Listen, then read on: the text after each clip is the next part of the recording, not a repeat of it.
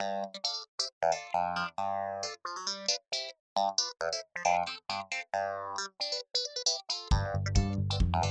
you.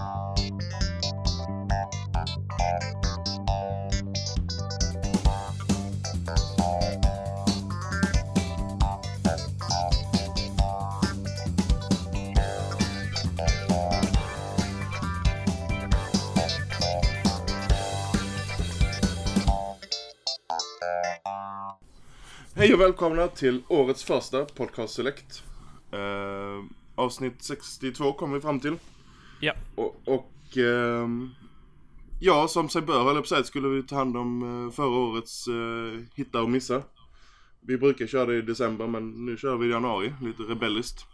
Som Men året var ju faktiskt inte slut i december. Alltså jag, jag tycker det är lite konstigt vissa sidor som typ kör så här Game of the Year Awards i slutet på november, början på december. Och så har liksom inte en storspel släppts ännu.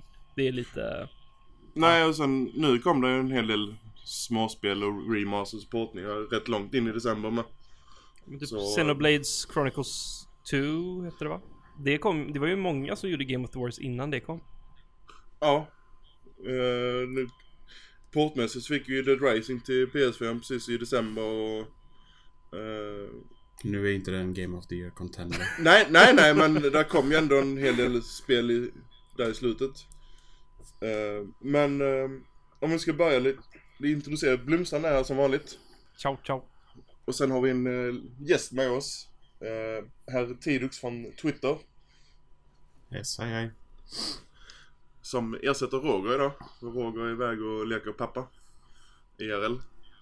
Och... ehm, men ska vi börja lite sådär smått med ehm, årets indie förra året. En fråga nu här. Eh, Det heter ju Årets Indie.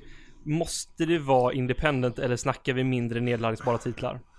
Eh, jag tycker vi slår ihop båda två. Ja, för jag För, brukar eh, kalla det för årets nedladdningsbara för att det är exklusivt nedladdningsbart för att Alltså har man, kollar man på många av de här småproduktionerna idag så är det faktiskt inte jättemånga som faktiskt är independent längre. Men ja, jag ville bara... må- många får ju funding via sån här idet Xbox och pubfund Ja. från Sony och det är ingen jätte, det är kanske inte en jättefunding som en vanlig utgivare gör men de hjälper ju till, hjälper ju utvecklarna. Så Ja, linjen där blir mer eh, eh, blurred på vad som är indie och inte. yes. Så Mm. vi tar eh, mindre spel där och medan jag tänker så kan du ta ditt för jag tror jag vet vad du kommer säga Blomstrand. Eh, Little Nightmares från uh, Tracer Studios i Sverige. Eh, och det är ett fyra timmar långt spel. Eh, det är inte 2D utan det är liksom 3D men med en fast bakgrund då så att säga. Så att, eh, det, jag, det som jag gillar med spelet förutom liksom bara det estetiska det är typ ta Tim Burton och feberdrömmar och liksom ja, massa läskiga typ så här. De, de ser lite så här, vad ska man säga, som gamla typ sägner de här monstren i spelet. Som tagna från sägner och eh, musiken är ofantligt bra. Um, och så här, den här stressande skräcken, du vet mer, ska man säga? Alltså det, det, är- det är kusligt, det är inte så här jump scares alls. Vilket jag gillar för jag hatar jump scares. Uh, det är liksom billig, billig skräck i mitt tycke. Så att, ehm, nej men musiken, längden, estetiken, gameplayet, allt var liksom så här perfekt för mig. Jag gillar 2D-plattformsspel eller ja, 2,5D-plattformsspel som inte är jätteutmanande men har liksom små pusselelement som är mer eller mindre eh, fysiskt baserade liksom. Typ lite som Unravel ungefär. Det är den nivån jag gillar när det kommer till den sortens spel. Och eh, Unravel var väl det, det, det spelet förra året va? Var det förra, året? Förra året ja. Ja. Och det här Du, blev liksom Papperskorgar. Ja, precis. Svenska papperskorgar från typ 70, cirka 80-talet där. Eh, som nästan fick mig att släppa en tår. Eh, men, eh, ja nej, Little Nightmares är mitt så här indie slash nedladdningsbara spel i år. Det kan jag varmt rekommendera och jag tror att det var på sale här nu i vinter så håll utkik för att plocka upp det för en liten peng snart så att, så blir ni Du har kört eh, expansioner också som kom, eller Ja. som har kommit.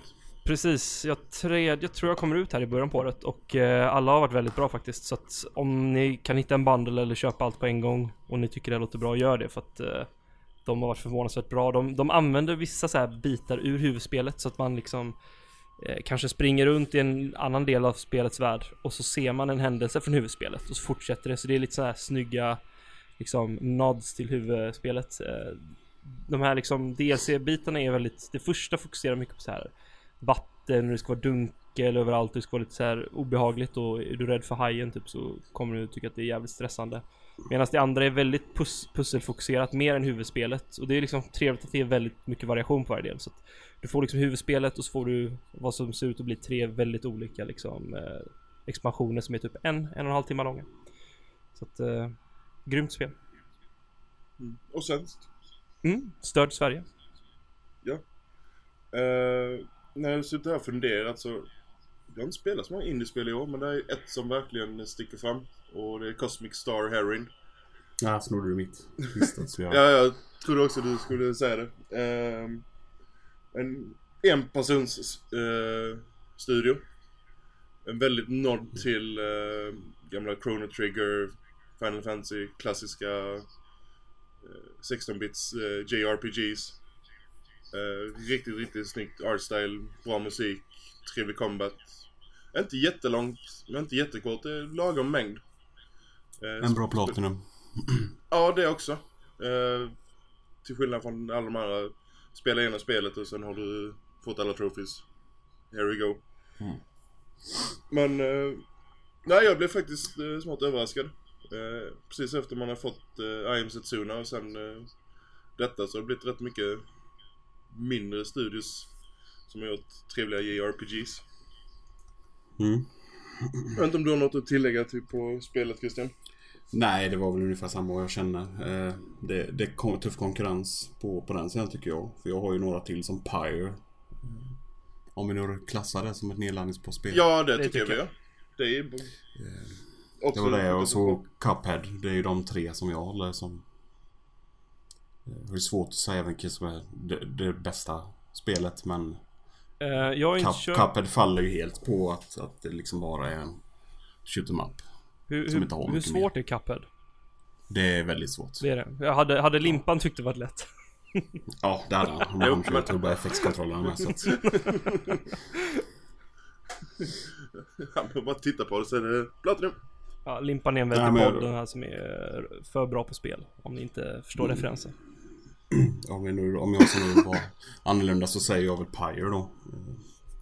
Mm. Det är ju spel av, jag kommer inte ens på vad de heter. Super eh, Massive Games. Super Giant. Gjorde, ja, Super Giant Games. Super Giant Games. Som eh, gjorde Transistor och eh, Bastion. Bastion ja, jajamän. Eh, väldigt annorlunda från Transistor och Bastion. Mm. Eh, man... Det är nästan, nästan som ett basketspel. ja. Eh, Det är väldigt svårt att förklara. Väldigt annorlunda men också härligt. Men är det mycket mer actionbetonat än eh, de två andra titlarna eller? Mm, Tvärtom. Det är mer, det är mer likt eh, Transistor. Okej. Ja, jag gillar Transistor. Det är den Mm. taktiska aspekten och sådär. Ja. Det är taktiskt fast det är, det är som ett, eh, du spelar en spot om själar egentligen. Du har Ja, blivit eh, utslängd och sen ska du ta dig tillbaka så att säga. Mm. Och eh, det är väldigt eh, intressanta karaktärer. Riktigt bra soundtrack och artstyle. Mm. Och sen då striderna är i princip eh, basket eh, deathmatch. Ja, precis. Det är väl lite så man kan förklara det som. Eh, vad har vi mer här som vi kan avveckla snabbt i början? Eh, sport slash racing. Och det har, det har ju varit en hel del sport och racingspel i år. Eh, när vi äntligen fick eh, GT Sport. Eh, lagom försenat. Eh, och det var länge sedan vi hade ett GT. Och för mig så är det det absolut snyggaste racingspelet i år. Jag vet att Rog hade vänt, vänt sig direkt när jag sa det men jag tycker GT är mycket, mycket intressantare och snyggare än uh, Forza. Sen är det ju en personlig smak också. Ja, jag har ju kört bägge och jag tycker ju GT Spot är betydligt bättre spel i grund och botten. Ja, det är, det är mer simulator än vad eh, Forza är. Ja. Jag frågar hur, om man, om man tar liksom ett spektra och vart kan man sätta de här Dirt och eh, Forza och GT? Vart, vad hamnar? Finns det någon titel som är ännu mer simulator som är hyfsat stor idag? Ja, det skulle vara Project Cars eller uh, Assetto Corsa. Ja, det är det. Men de släpptes ju inte i år egentligen utan det är ju... Ja, Om man ut en simulator då, då är det det som gäller helt enkelt. Ja, det är ju de två som gäller. För jag, jag klarar ju, det är ju inte alls det jag är ute efter. Jag, jag gissar på att det är samma sak för Roger, så därav tycker kanske vi att Forza funkar liksom bättre för oss. Eh, Jag tycker Forza känns som en, en taskig blandning mellan Need for Speed och, och Dirt. Eh, En, du glider med bilen, det finns ingen fysik i, i banan alls. Till skillnad som GT där du kan känna varenda litet gupp i, i kontrollen. Nu har inte jag ratt men det känns jäkligt bra när man kör. ja. Jag vet många, typ Tommy han köpte det, eller när han fick det recensionsexemplar och första typ 2-3 timmar så gillade inte han alls spelet. Sen efter 10 Nej. timmar så älskar han spelet. Mm. Det, är- det är nog många som fick den känslan. Det, det lät som att jag hörde det från flera som var såhär uh, äh, Forza är bättre. Och så spelade han typ 10-15 timmar så kom de in i det gissar jag på. Och uh, så är de det här ju- bara med att pressa tiderna och så vidare. GT Spot är ju mer åt simulator, alltså det är ju mer ett misstag så är du körd. Mm. Forza kan du bara trycka på en jävla rewind-knapp och det tycker jag förstör allt. Ja, där tar du ifrån lite av simulatorbiten att du kan Ja. uh, rewinda. Men, alltså det har ju sina två uh, Oh, gru- ja. grupper som spelar. F- Forza har du ju att du kan bygga om bilar och du har en jävla massa bilar också till skillnad från GT Spot. Ja. Sen, sen är ju frågan hur, varför man fokuserar på... Du har 700 bilar men du kommer ju aldrig spela hälften av det. Visst, valmöjlighet är ju kul men det får ju finnas någon gräns också. Så är det. Men eh, det som var lite negativt med GT Sport i början när det, när det kom direkt så... Dels så var det i princip bara online. För det du gjorde offline, det räknades inte. Och sen var det ingen riktig kampanj utan det var... De hade gått den här riktningen att du, du spelar eh, online mot andra i races. Och Mm. sen la de då nu till eh, kampanjdel senare. Så nu är det mer komplett. Eh, och... Nej alltså... Har, har du en Playstation så blir det ju GT. Har du en Xbox så blir det nog Forza. I och med Ja, båda det är två inte svårare än så. exklusiva. Så... Eh, måste, måste ge en, en tumme upp för Dirt. Som har tagit ett, rätt, alltså ett stort steg i rätt riktning i alla fall. Ja, ja, jag gillade det senast nu var det Dirt 4. Ja, Dirt 4. Eh, det var... Som har gått från, gått från åka och sladda runt bara för att det ska vara fränt till ett riktigt racingspel. Ja, det är också att du, du, spelar det som eh, du, de kör eh, de här racing-eventen med delmoment. Så att du Mm. kör inte en hel bana runt utan du kör de här eh, sektionerna. Och sen eh, får, blir det ju tidsavdrag beroende på vad du har gjort och, och allting slås ihop sen i totalt. Så, och kontrollen är mycket, som du säger mycket, mycket bättre eh, i Dart 4. Jag hade väldigt kul med det. Mm, ja, jag med. Så annars har vi fått Need for Speed eh, Payback i år och det var väl roligt de första timmarna. Men eh, sen inkom den här enorma grindingen om man inte ville betala för eh, lootboxes för att få delarna. Och det var väldigt enerverande. Man verkligen Men ärligt talat, det, det, det har ju varit mycket snack om Battlefront. Från vad jag har hört från dig och Roger. Så om det är något sp- spel som jag har släppt i år som det verkligen känns pay to win eller pay to liksom progress. Då är det ju det spelet. Från, från vad jag Pay, har hört payback ja, definitivt. Ja, jo men så här, och det, men det är ju inget snack, snack om det liksom känns det som. Nej, vilket Nej men är det, det är ju dubbelmoral hela grejen. Alltså, folk sitter och betalar tusentals kronor till Fifa. Det största pay to win-spelet som Det- någonsin har gjorts. Jag, jag spelar ju inte alltid med Team ren princip jag tycker det är vidrigt. Ja, alltså du kan det- inte, du kan är inte avancera liksom om du inte slänger Ja men typ 200-300 i månaden liksom, liksom Mm. minst. Och gärna 500 i början så du liksom kommer ikapp alla. För det vet att, att typ eh, spela ihop pengarna till typ en spel som Harry Kane som inte är överdrivet bra i spelet. Det, är, tar, det tar en vecka eller sådär du vet. Och det är en spelare. Så ska du ha kontrakt och du ska ha ett helt lag och det, nej, det är ingen billig affär alltså. Så att, Nej. eh, Och det är någonting de har hållit på i många, många år men det, det känns Ja. som ingen, i, alltså ingen gnäller på det för att det känns som den, det spelet är accepterat i communityn. Så Men- jag tror att de, eh, de släppte de inte bara ett Ultimate Team Fifa till PC?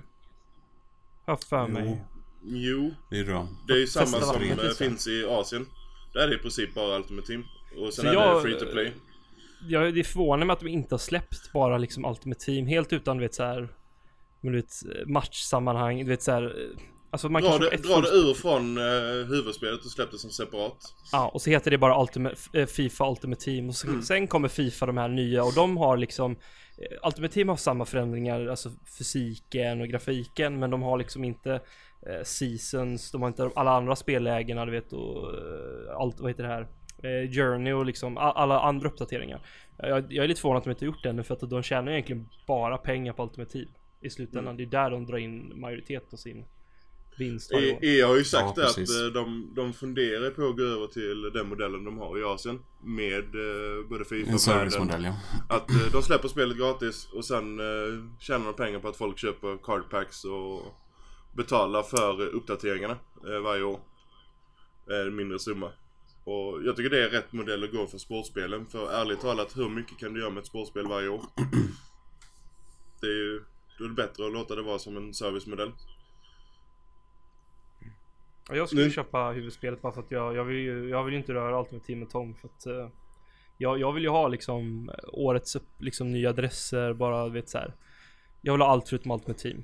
För att jag gillar realism i fotbollsspel så mycket, så mycket som jag kan liksom. Att, I alla fall matchinramningen och spelarna och den biten liksom. Sen kan man ju också ta på sig sån här tinfoil hat och ifrågasätta hur balanseringen av spelarna, eller spelarnas statistik i spelet, hur mycket det påverkas av just att de har futt. Eh, Enormt herregud. eh, så att Vilka, alltså, särskiljer du då eh, alltså huvudspelet från futt så kanske det kan bli lite mer balanserat för eh, huvudspelet. Där de inte behöver tänka på eh, spelarnas statistik.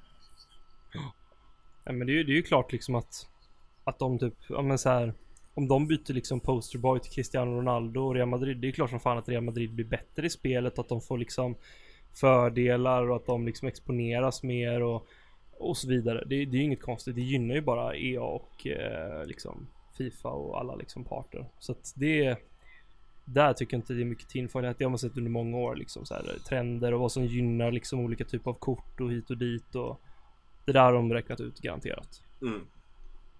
Och, eh, men eh, ni två har ju spelat rätt mycket Fifa i år. Eh, om ni jämför Fifa tidigare, hur eh, var årets eh, installation av det?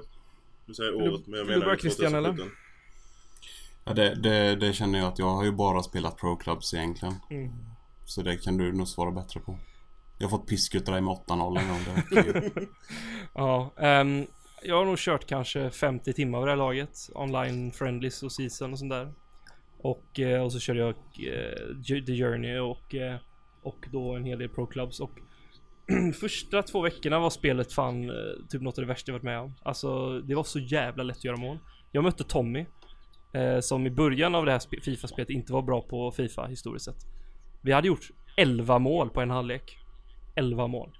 Alltså du, du kunde bara skjuta från inget läge och det var mål direkt. Målvakten var bollrädd hela bunten. Sen kom det en patch och det lite bättre. Var det inte mycket för- försvarare som hade problem också? Ja, det, ja, det är mycket pro clubs är det förvisso men eh, bo, i båda spellägena egentligen. Och eh, nu är det väl ett ett helt okej till ett bra Fifa. Men jag tycker faktiskt att förra året var det bästa Fifa som jag upplevt liksom i, i här, senaste fem åren. Och det var nog det som jag här, i slutändan ändå kände mig mest nöjd med. Eh, just, just att man släpper det här spelet och det är så trasigt första två veckorna gjorde ju att jag gav det liksom en sexa tror jag i betyg. För Mm. att det var så här, nej men herregud alltså det, det, det, liksom, det var bara att skjuta långskott så var det mål. Och det sitter väl kvar förvisso till en, till en viss grad så här. Man, man har liksom sina lägen, man vet att får man driva bollen lugnt 1-2 på touch och bara skjuta långt då går den in liksom en bra spelare. Ehm, Men det tog inte lång tid för dem att fixa det heller sen. Nej, Eh, och, och det är ju konstigt. Sen, sen är det ju alltid så här, alltså en en öppen beta, stängd beta, liten skala, stor skala. Jag tycker fortfarande de har fan gjort det länge nog för att fatta att Alltså så dåligt som det var just första två veckorna, det, det får man inte släppa ett spel liksom. I det, i Men det är, inte för, det är inte första gången det händer med Fifa heller att de har väldigt Nej. konstig... eh, jag vet inte om det var förra året eller för förra året, då var det ju problem med målvakt. Men sen kom det en målvaktspatch till eh, det också. Ja. Jo, men det... De har ju tid på sig. Alltså det är en produkt, det är inte ett spel. Så att för mig som är lite mer kritisk så blir jag ju liksom så här, vad fan håller på med? Men vet, folk spelar alltid Fifa, de slutar aldrig spela Fifa, det bara rullar på Nej, nej. liksom. Som att du vet, dricka en kopp kaffe på morgonen, det är liksom en del av folks liv. Så om, om det är två veckor som är lite trashat så skadar inte det dem i långa loppet. Nej nej, alltså de kommer ju ha sin, uh, sin spelarbas oavsett vilket. Det, är Nej, finns, det- det finns ju många som bara spelar Fifa, alltså det enda de spelar. Ja, alltså det är, ett, det, är ett, det är väl ett... Idag är det väl ett bra fotbollsspel sådär. Eh, men... Eh, ja, alltså det är ju inte... Det är, de, de andra sportspelen och bilspelen som släpps i år är ju garanterat bättre spel än vad Fifa är. Eh, Ja, du så- får ju se till NHL som är betydligt sämre än vad det någonsin har Ja, varit. jag har hört att folk säger att det är total skräp liksom jämfört med tidigare år. Jo. Mhm. Och då var, var, det inte, var det inte förra året de hade helt plötsligt bara plockat bort eh, NHLs motsvarighet till Ultimate Team? Där EO och SHL. Ja, det är inte Ultimate Team utan det är ju Pro Clubs det motsvarar. Ah okej, Pro Clubs. Nej, det var inte förra året. Jag tror det var för förra året. Ja. Var det. Nej, så vi kan, jag, jag, jag lägger min röst. Jag har inte spelat något så här bilspel som jag liksom har tyckt har varit, varit jättebra i år. Eh, och Fifa förtjänar inte det, så jag, jag, jag lägger blankt där.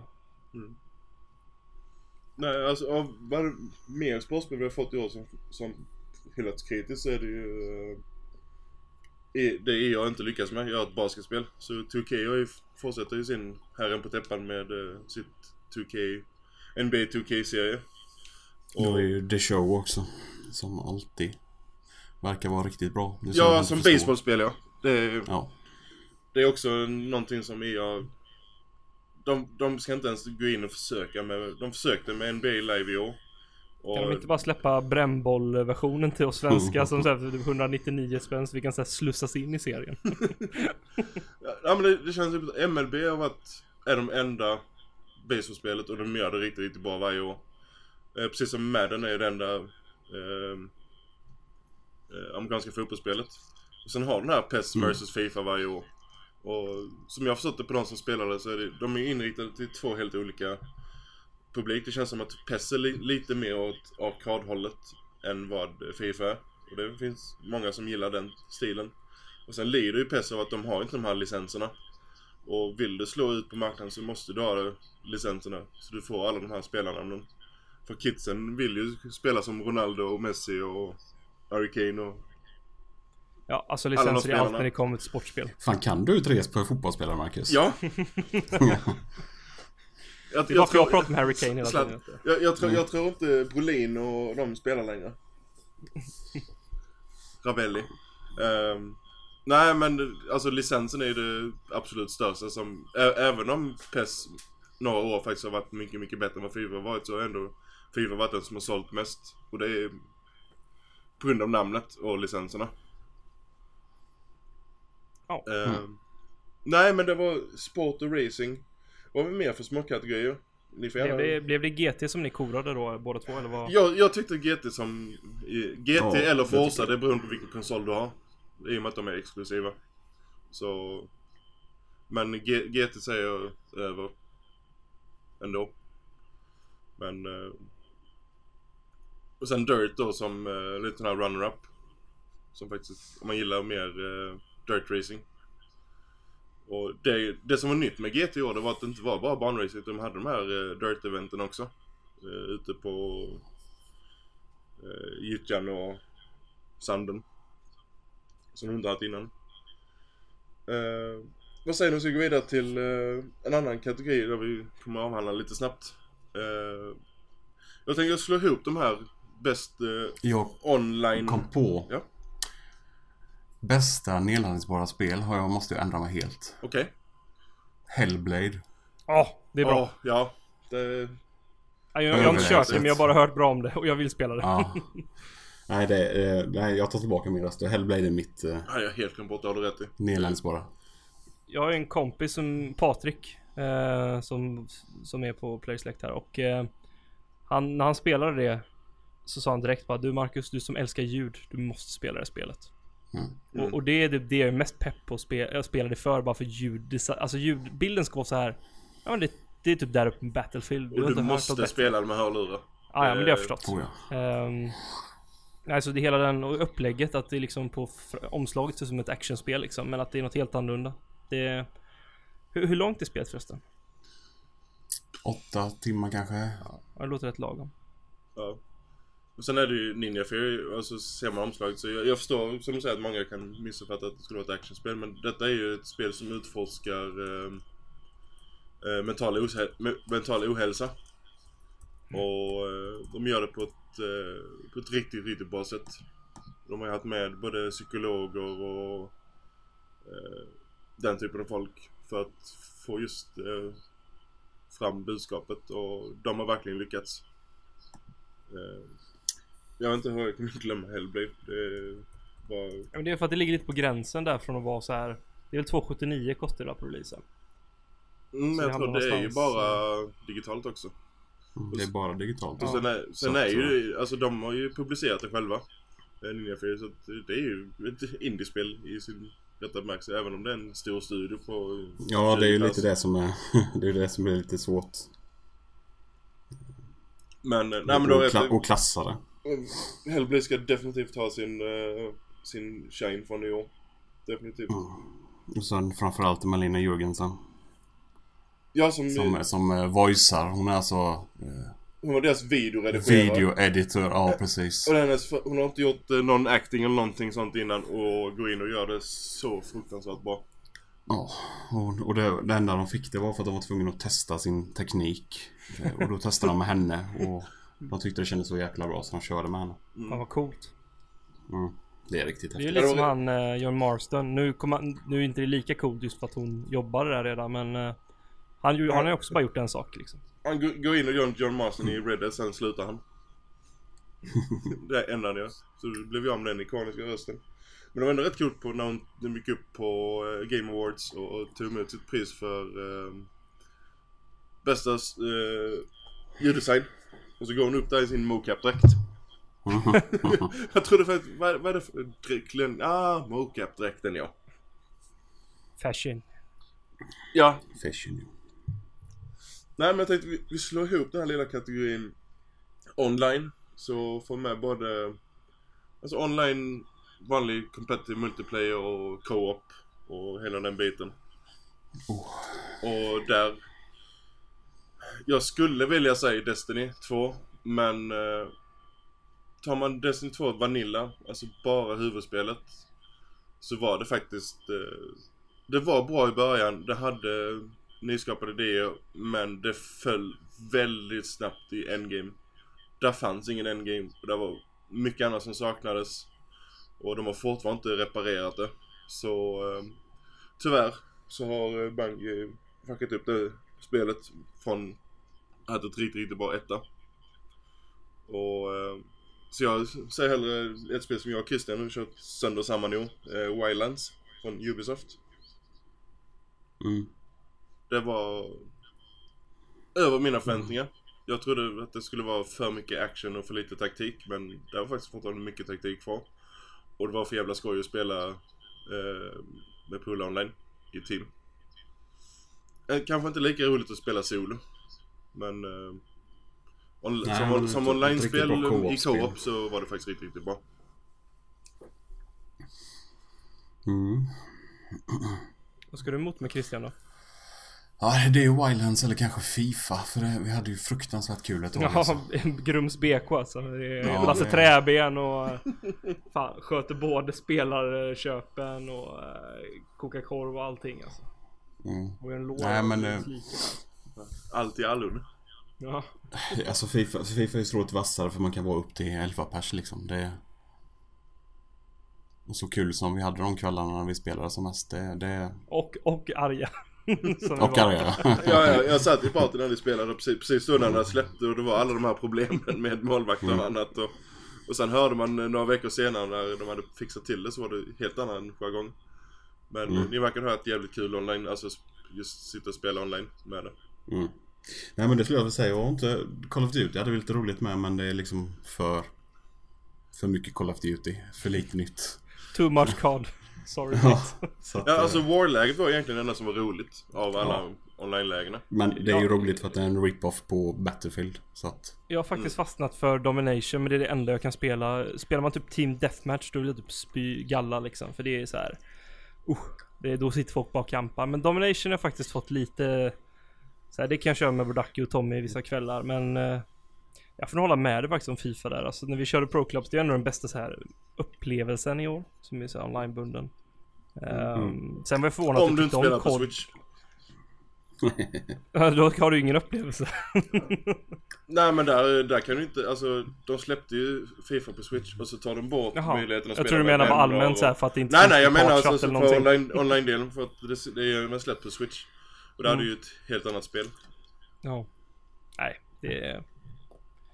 Ja, nej jag får nog också säga Fifa Pro Clubs som upplevs faktiskt för vi hade jävligt roligt där många kvällar. Mm. Eh, Jag Ja. trodde faktiskt du skulle säga Mario Kart faktiskt.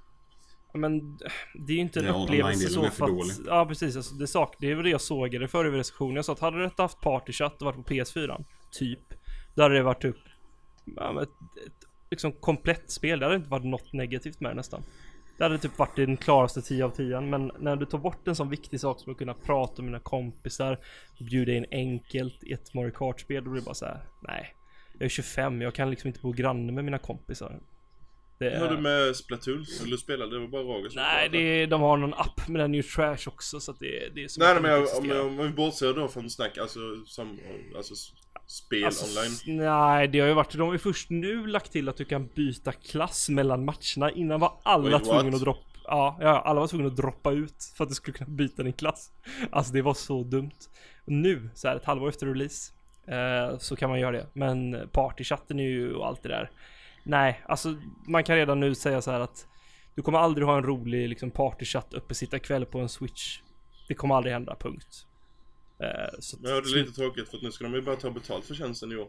Ja, precis. Jag är lite kluven såhär bara, okej Mario Kart har varit skojspel ibland men jag får nog ge upp det liksom. För att jag tänker inte sitta och de, är, pröja de är långt ifrån för att få en spänn utav mig. Ja, ja men det är såhär, vad ska de ge mig? Några liksom gamla liksom indie, alltså här, gamla typ såhär Zelda från SNES och NES. Jag bara, Alltså skärp ry- ry- ryktet säger ju att uh, Virtual Console kommer bli en sån här typ Game Pass. Det blir en tjän- månadstjänst. Du, du får Mm. visst antal spel varje månad.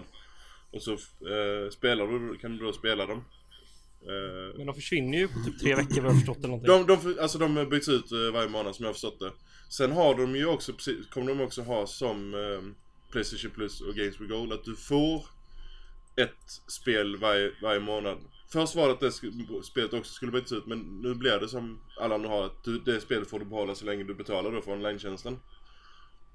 Men att man fortfarande inte lanserat Virtual Console är ju mindboggling. Ja, alltså det är så här, de kan ju bara så här, 30 spänn Super Mario Bros här på en gammal, alltså det är så här, det är så givet att ha med det on the go. Jag fattar inte vad de håller på med. Men alltså hur svårt kan det vara att lansera det? det De, de försöker väl innovera på något sätt. Ja. Alltså de har skött sig jättebra med alla storsläppen i år överlag liksom. Det har varit ett jäkligt starkt år av dem. Men alltså vissa saker är de ju helt efter på. Partychatten existerar ju inte. Eh, Virtual Console existerar ju inte.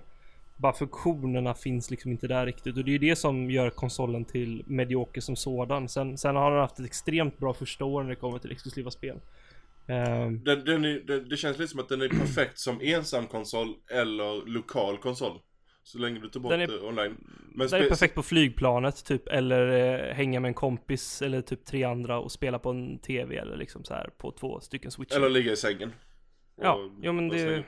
Jag tycker den passar ju mer typ en ungkar liksom som typ reser mycket som i första trailern liksom än, än en social online-konsol. För det är, det är inte den aspekten utan det är ju mer, det är en, det är en väldigt intim konsol så att du sitter själv och spelar på den för det mesta.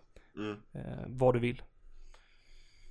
Det var lite det de vill, ville med konceptet Wii U också. När de la till uh, U till slut. Att det skulle vara lite mer personligt. Men sen misslyckades med så många grejer. Men nu verkar de ju verkligen fått en en hit där. Men att 10 miljoner första nio månaderna, det är ändå en respektabel summa.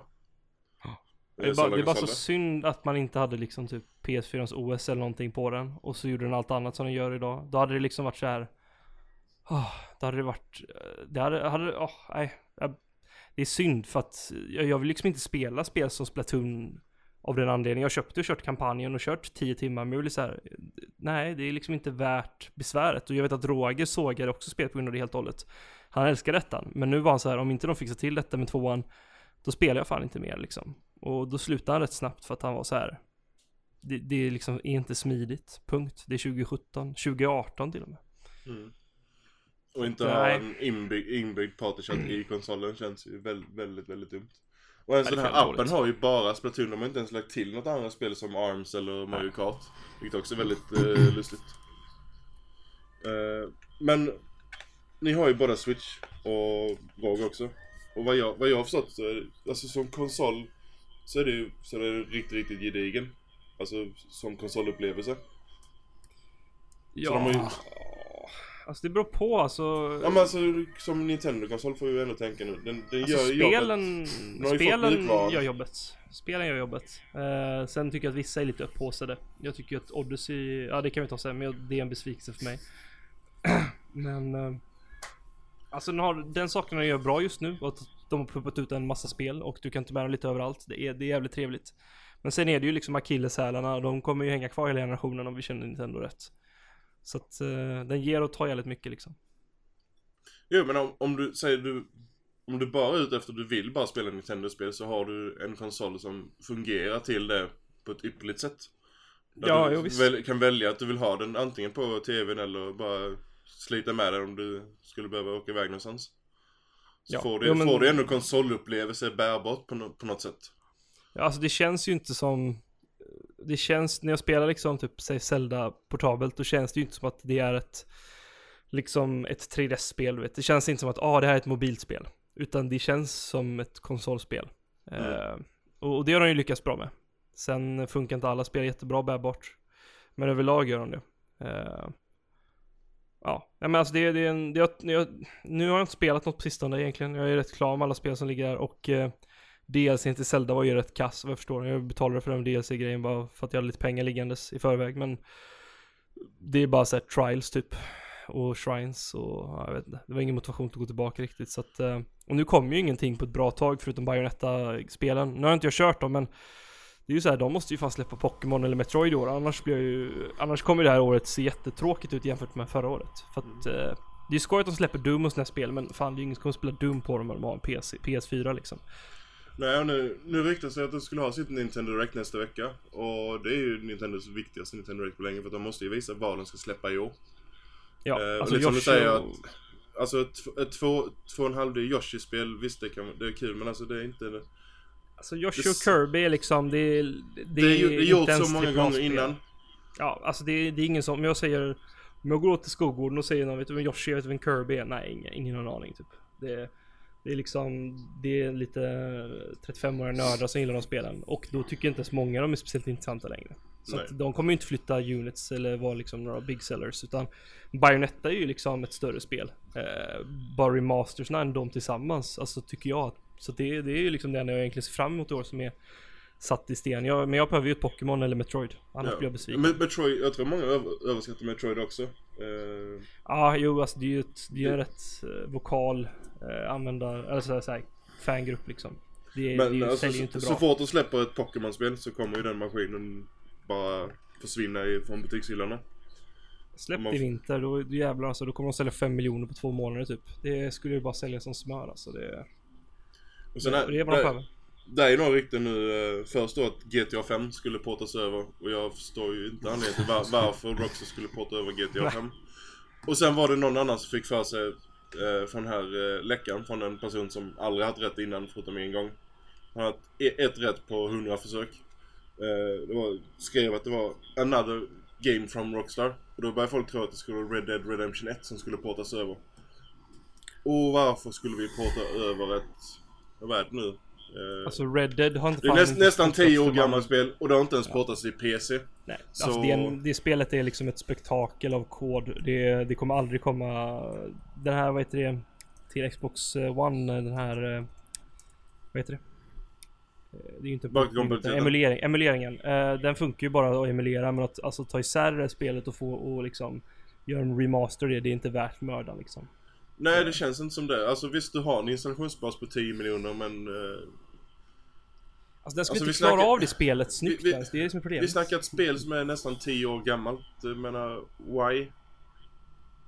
Ja, och ska du ta ett sånt gammalt spel och liksom, då släpper du på PS4 Pro liksom med 4K i så fall och kör liksom all bananas. Du släpper inte det på Nintendo Switch om du är Rockstar. Det, nej, det låter inte logiskt för fem Om de, om de inte gör som eh, LA Noir, att de eh, remasterar till... Eh, Det är bara att det här är mer Ex- krävande för att det är en stor värld liksom. Och det är, det är mycket mer detaljer och det är... ja, vi såg då gick för LA Noir, som var lite upp och ner.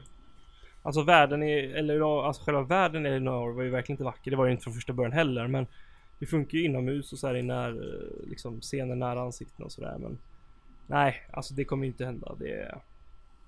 Alltså för mig så är switchen fortfarande bara en Nintendo-konsol för att de, där jag spelar är min ensamhet mer eller mindre för att partychatten saknas. Det är synd, men så är det och så kommer det vara kommande fem åren. Ja, det är nog inte många som köper en Nintendo-kontroll heller för multiplattformsspel.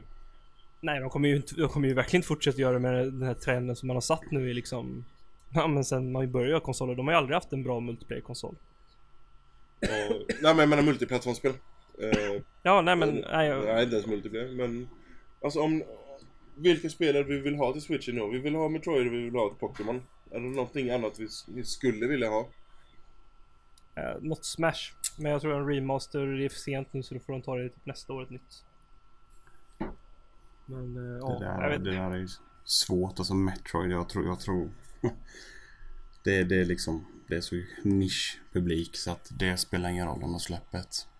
Så jag vill egentligen bara Pokémon just nu känner jag när det här året kommer. Släpper de Pokémon Bayonetta på våren och så Kirby och Yoshi då är det liksom tillräckligt bra. Men alltså de, de måste ju producera så mycket mer än så nu och Microsoft. Just för att de inte har liksom Det är en svagare konsol och plattformsspelen, eh, jag tror tredjepartsspelen de eh, De fäster sig liksom inte på den konsolen. Ja, men om de ska göra någonting så ska de ju göra, så de ju gå den vägen de gjorde tillsammans med Ubisoft med Mario plus Rabbids. Det är ju liksom det är rätt väg att gå och sitta och diskutera om man ska ha Red Dead Redemption är det dummaste jag varit med om. Ja. Det kommer aldrig hända och det finns ingen anledning att göra. Nej, jag, alltså sen var det någon som drog upp det här just. Ja men GTA 5 säljer jättemycket fortfarande. Jo men det är ju folk som spelar GTA online. Det är därför mm. GTA fortfarande säljer eh, så många ex varje månad. Mm. Och GTA online kan du ju glömma direkt för det, på Switch för det ah, finns ju ingen infrastruktur till det. Nej, men de ska, ju, de ska ju göra spel som är exklusiva till konsolen men som är som du säger som Rabbids och liknande. Mm. Alltså spel som verkligen, jag tycker jag tycker Utnyttjar maskinens uh, alltså, uh, funktioner. Alltså ja. precis som man gjorde med uh, Wii. Eh, med alla Wii Sports och alla de grejerna. Man utnyttjar konsolens egenskaper.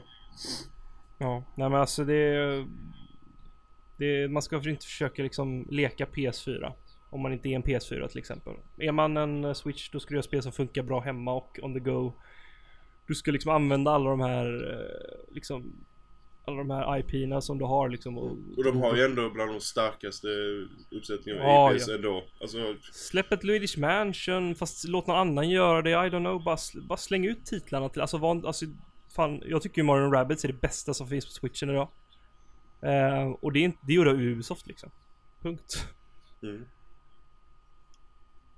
Nej, jag, jag förstår det. Ska vi hoppa över till lite andra kategorier? Vad tycker ni? Eh, årets äventyr. Jo. Och där, eh, oh. där kan inte jag säga ett för att eh, det har kommit så mycket äventyrsspel i år som har varit så jättebra så att eh, det, det, bör, det började ju hyfsat bra med Horizon Zero Dawn. Mm. Ett Guerrilla Game som går från att gjort Killzone i de senaste hundra åren. Och så går över och gör ett Open World-spel med eh, som är så pass snyggt, flyter så pass bra och perfekt combat, eh, intressanta karaktärer och väldigt, eh, väldigt mycket taktik i just hur du tacklar eh, striderna. För varje robot är ju väldigt individuell hur du ska tackla det. Och sen får du in en mix där du har två, tre olika robotar samtidigt i samma strid så kan det bli väldigt, väldigt tekniskt. Oh ja. Och jag vet att ni, ni två håller håller med om att det är definitivt ett av de absolut bästa spelen i år. Ja, det är väl egentligen det och Assassin's Creed Audience som... Ja. Som konkurrerar om just årets äventyr. Alltså äventyr blir lite så här slash open, open world också för ja, så att vi inte köper den ja. kategorin riktigt. De flesta äventyrsspel idag är ju open world. För det enda äventyret som jag annars skulle säga är så bra det är Uncharted Lost, Lost Legacy men jag... jag det är...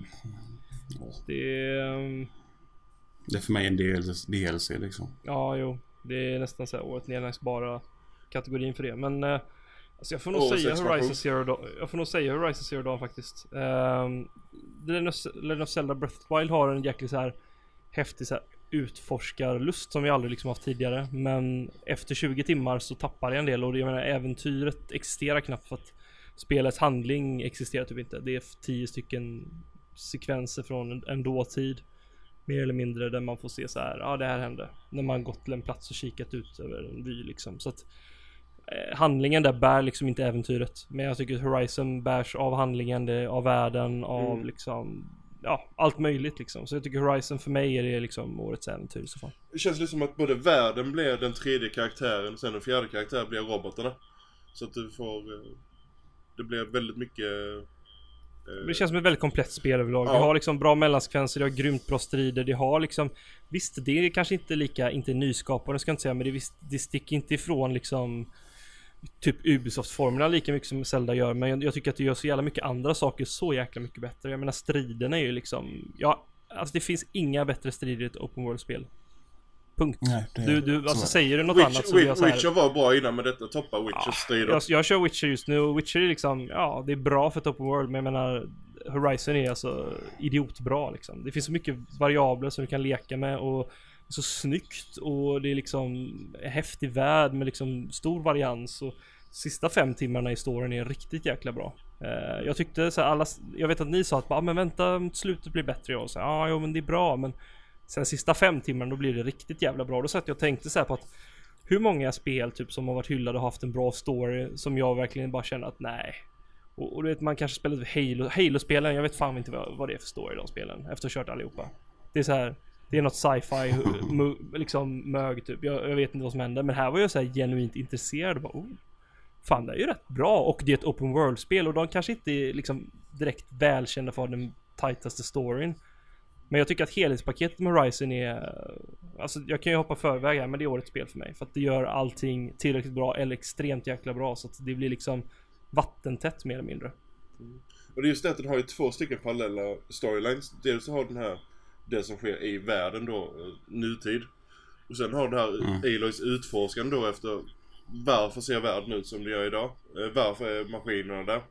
Och hela den biten. Och det är just fokuset på den biten som, som jag, det var därför jag sa till dig Blomsen att vänta till de sista timmarna i spelet när de verkligen fokuserar på det.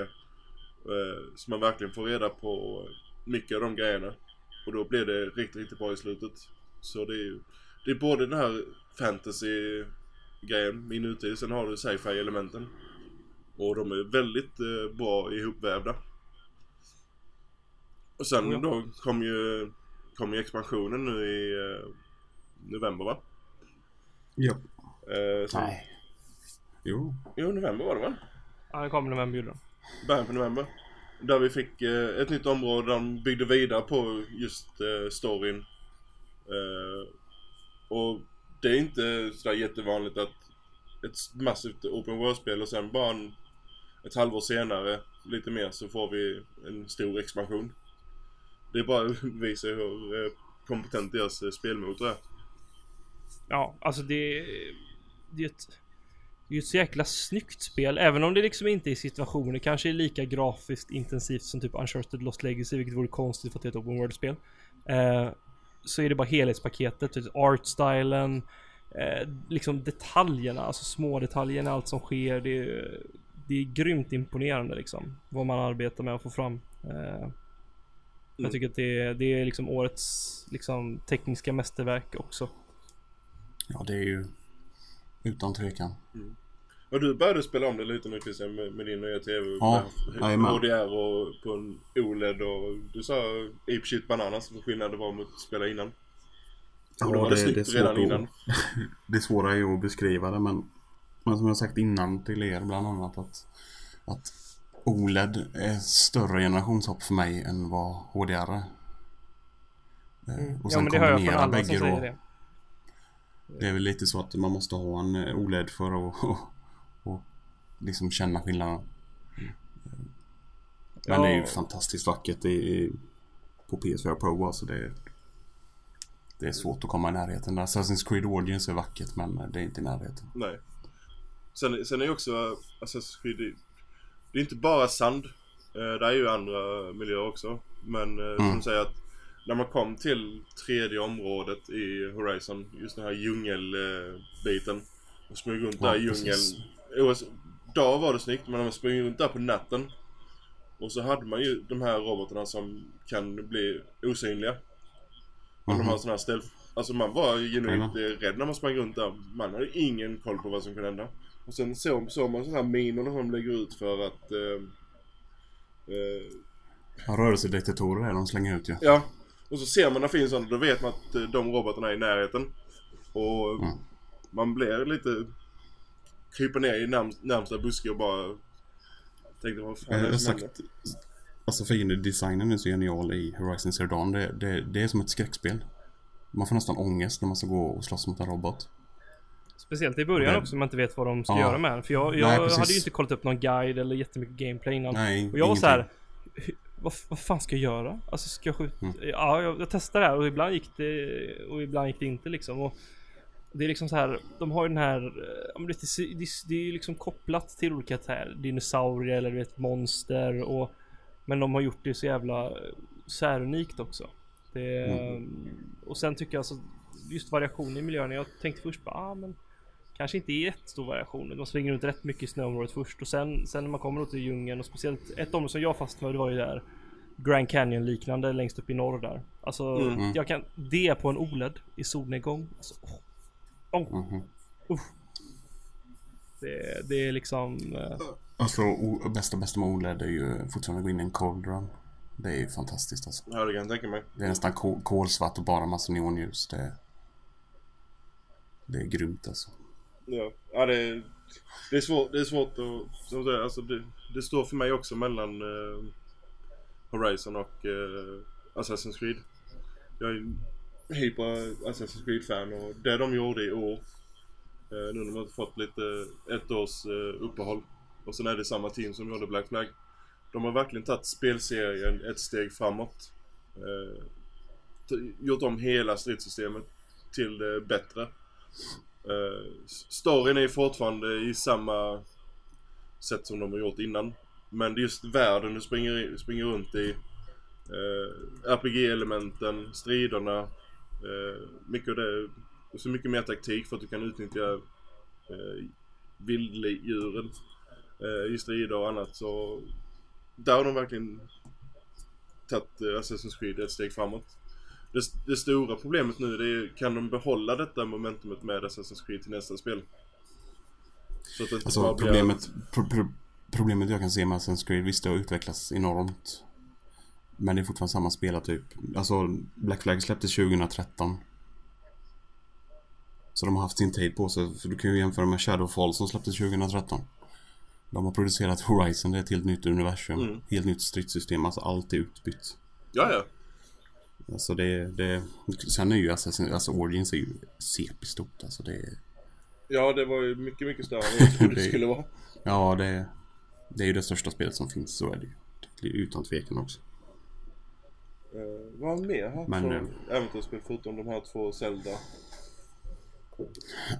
Ja, det är ju Shadow War Mario och Mario. Blomstrand, du som har spelat en massa. Mario. Nej, det är inget äventyr riktigt. Det är slut på sex timmar om du bara pushar igenom det och sen ska du bara fånga massa Mm, månader. Det är en grind Ja, det är alltså. Ja, jag vi ska inte ta den kategorin ännu. Jag tänkte årets besvikelse kan vi ta sen. Men. eh, ja. Det är, det är inte årets äventyr i alla fall. Den saken är säker. Nej, nej men det förstår jag också.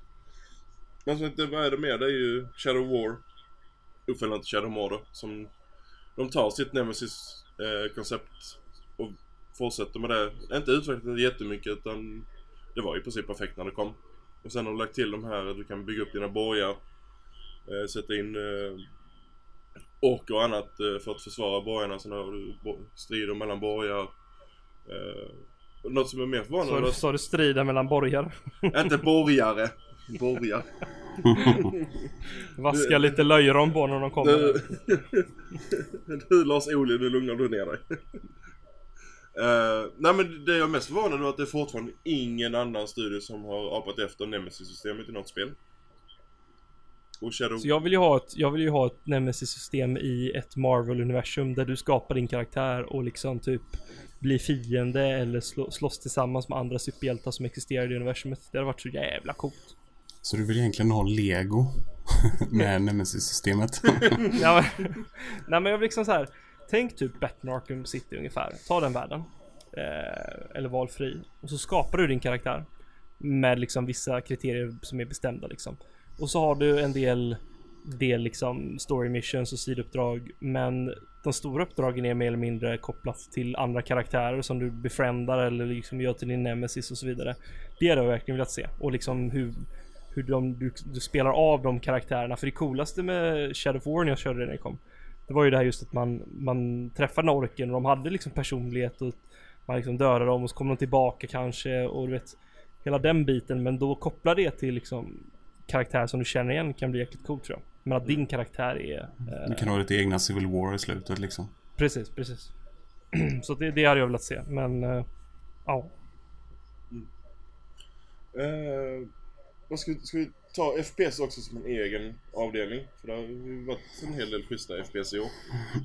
Eh, bland annat eh, Sverige är tillbaka igen. Eh, Machine Games eh, Wolfenstein. Nu har jag bara... Vilka har spelat det här?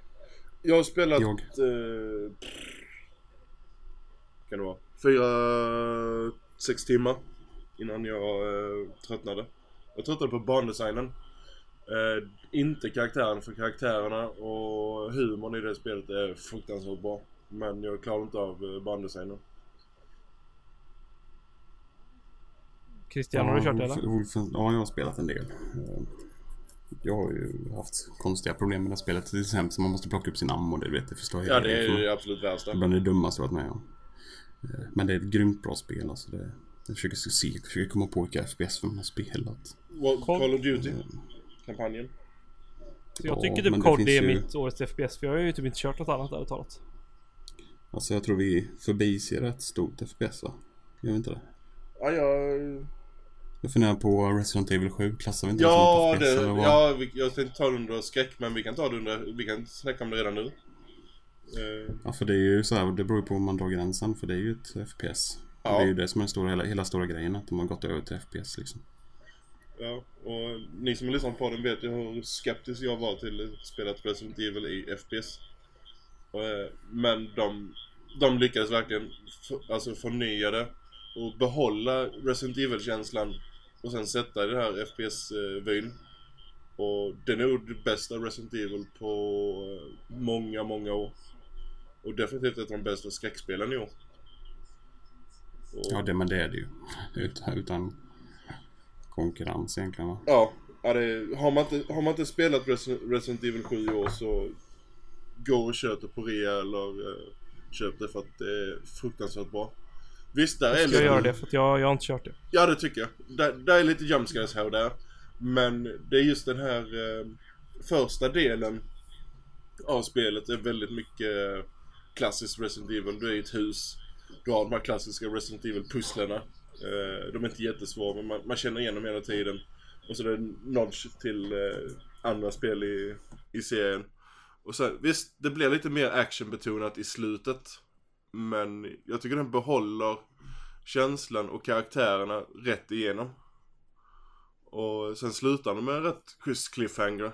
Och nu fick vi avsluta med den här cliffhangern i med eh, gratis DLCn som kom nu i december. Eh, som jag... Jag ska fortfarande spela den. Jag har lite reservationer i hur eh, storyn kommer utvecklas i den. Men eh, som, sagt, alltså, som du sa Christian, det är, det är nog det bästa FPSet i år. Faktiskt. Ja, det finns, det finns ju några andra som jag har gillat. Star Wars, jag vet inte om man klassar det som ett FPS för man kan spela det som tredje person men eh, det har jag haft grymt kul. Battlefront. Ja. Jag har haft kul med. Sen har vi Sniper. Ja, Ghost. visst ja, Sniper Elite kom ju också i år också Ja. Eh, både Sniper Elite och eh, Sniper Ghost Warrior kom i år. Så det var ju två stycken sniperspel. Ja, precis. Och ja, jag har gillat eh, Sniper Elite-serien eh, riktigt mycket.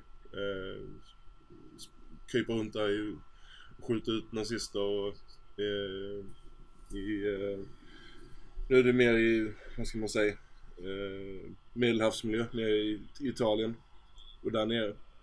Men det är fruktansvärt bra. Och sen Ghost Warrior som är det första spelet i serien jag spelar nu. Mm. Och... Men du har tagit eh, Platina i som Ja, säger. det har jag. Uh, ja, jag, jag älskade det. Uh, Snape och Ghost Warrior 3. Det var över förväntan. Så vi, som säger, vi har faktiskt haft en hel del. Men det har kommit så mycket spel i år så det är lätt man glömmer bort vissa spel när de har kommit och... eh,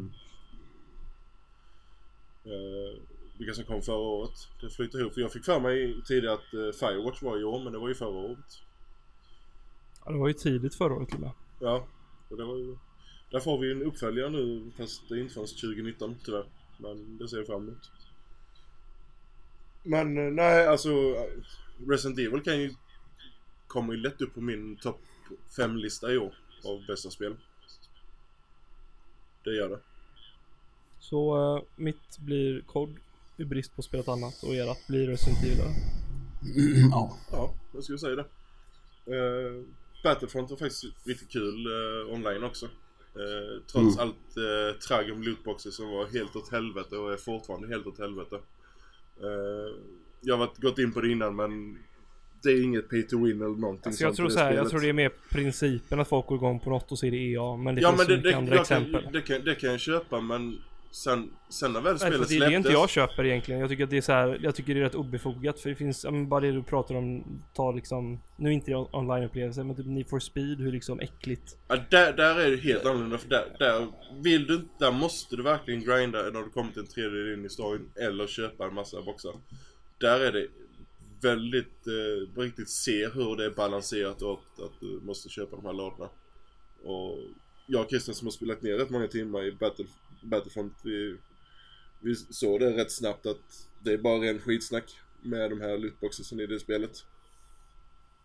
Det är ett lätt mål i EA och eh, folk gillar inte Battlefront 1 Battlefront 1 för att det inte finns så mycket value for money i första spelet. Och Det är Här liksom finns det lätt att skjuta på mycket eh, value for, for money.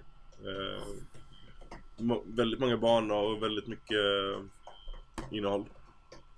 jag tycker ändå det är lite läskigt så här, typ att om, om, om någon missinformerar och så sprider det sig som löpeld så slutar det med att fucking Disney liksom går ut och bara nej nej nej, nej nu måste du tillbaks där, det går inte. Det är Nej, men, lite äh, som hela Pewdiepie-skandalen. Alltså har du en tillräckligt star- stark mobb oavsett vad som har hänt så blir så här företag, då backar alla bara oh, oh nej jag, jag, förlåt vi Ja, skäms men och så på, bort på något sätt så och... kan du köpa när du, när du kombinerar eh, lootboxes med microtransactions. Så kan du på något sätt se kritiken för... Eh, det, visst, det finns folk som har problem med eh, spelmissbruk och liknande. Men... Eh, ja, alltså... Som, man- som att ta hän, hänvis, eller ta hänsyn till alla, alla missbruk som finns Nej, så kan du ju inte spela, du kan folk- inte spela GTA, du kan inte...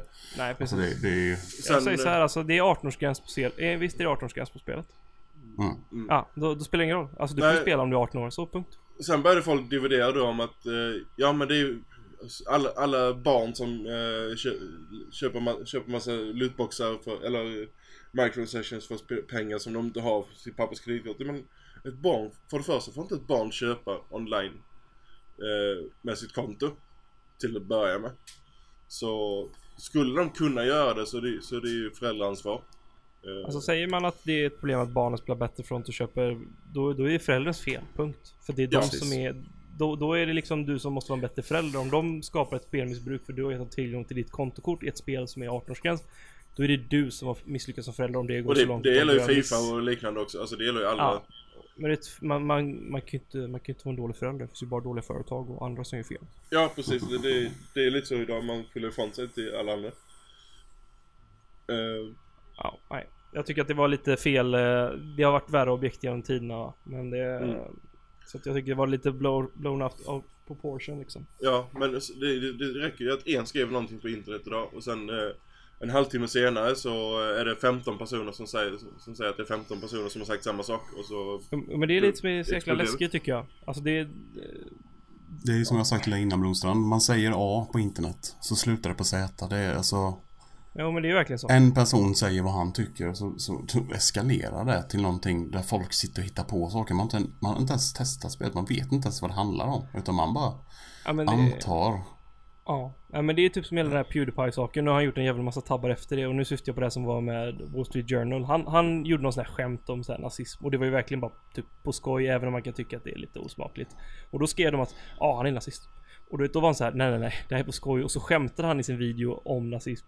Och sa att de kommer ta det här i kontext. De tog det i kontext och sa att han tycker detta, du vet. Och det var, då insåg man bara, herregud alltså, internet Mm. alltså. Alltså det är ju det är ju läskigt, man får inte säga någonting. Och, och då är det klart att om någon säger du vet, folk är ju redan lite bittra över mikrotransaktioner och liknande. Om någon säger att ah, du måste spela 30 timmar eller så kan du betala 100 dollar så får du det här vapnet direkt. Pro bara, pro nej, nej. problemet var ju att, eh, vet jag tror det var Polygons recension av eh, Shadow War. Där allting, Ja, den där allting började. Eh, där de gick ut i recension och på, påstod då att du behövde köpa massa lootboxes eller lägga 40-50 timmar för att kunna spela endgamet. Och när jag kom till endgamet hade jag alla regioner fyllda med eh, högsta leveln på orkerna. Och jag hade inte lagt en krona på det. Som, det handlar alltså om re recensenter som inte har tid, ork eller vilja att sätta sig in i spelsystemen. Och sen ser de att, och där finns microtransactions och så drar vi parallellen direkt. Och sen därefter blir en höna av en fjäder. För det är så social media funkar idag. Ja men det var så tydligt. Det var någon i någon sån här Facebookgrupp som vi sitter i. Som frågade så här. Min kompis sa att du inte kan spela slutet om inte du betalar. Ja, det bara, också.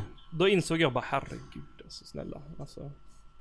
Då, då, då insåg man liksom att det hade gått långt. Men det, det, det, jag- det, det är så internet fungerar. Det är mycket så här.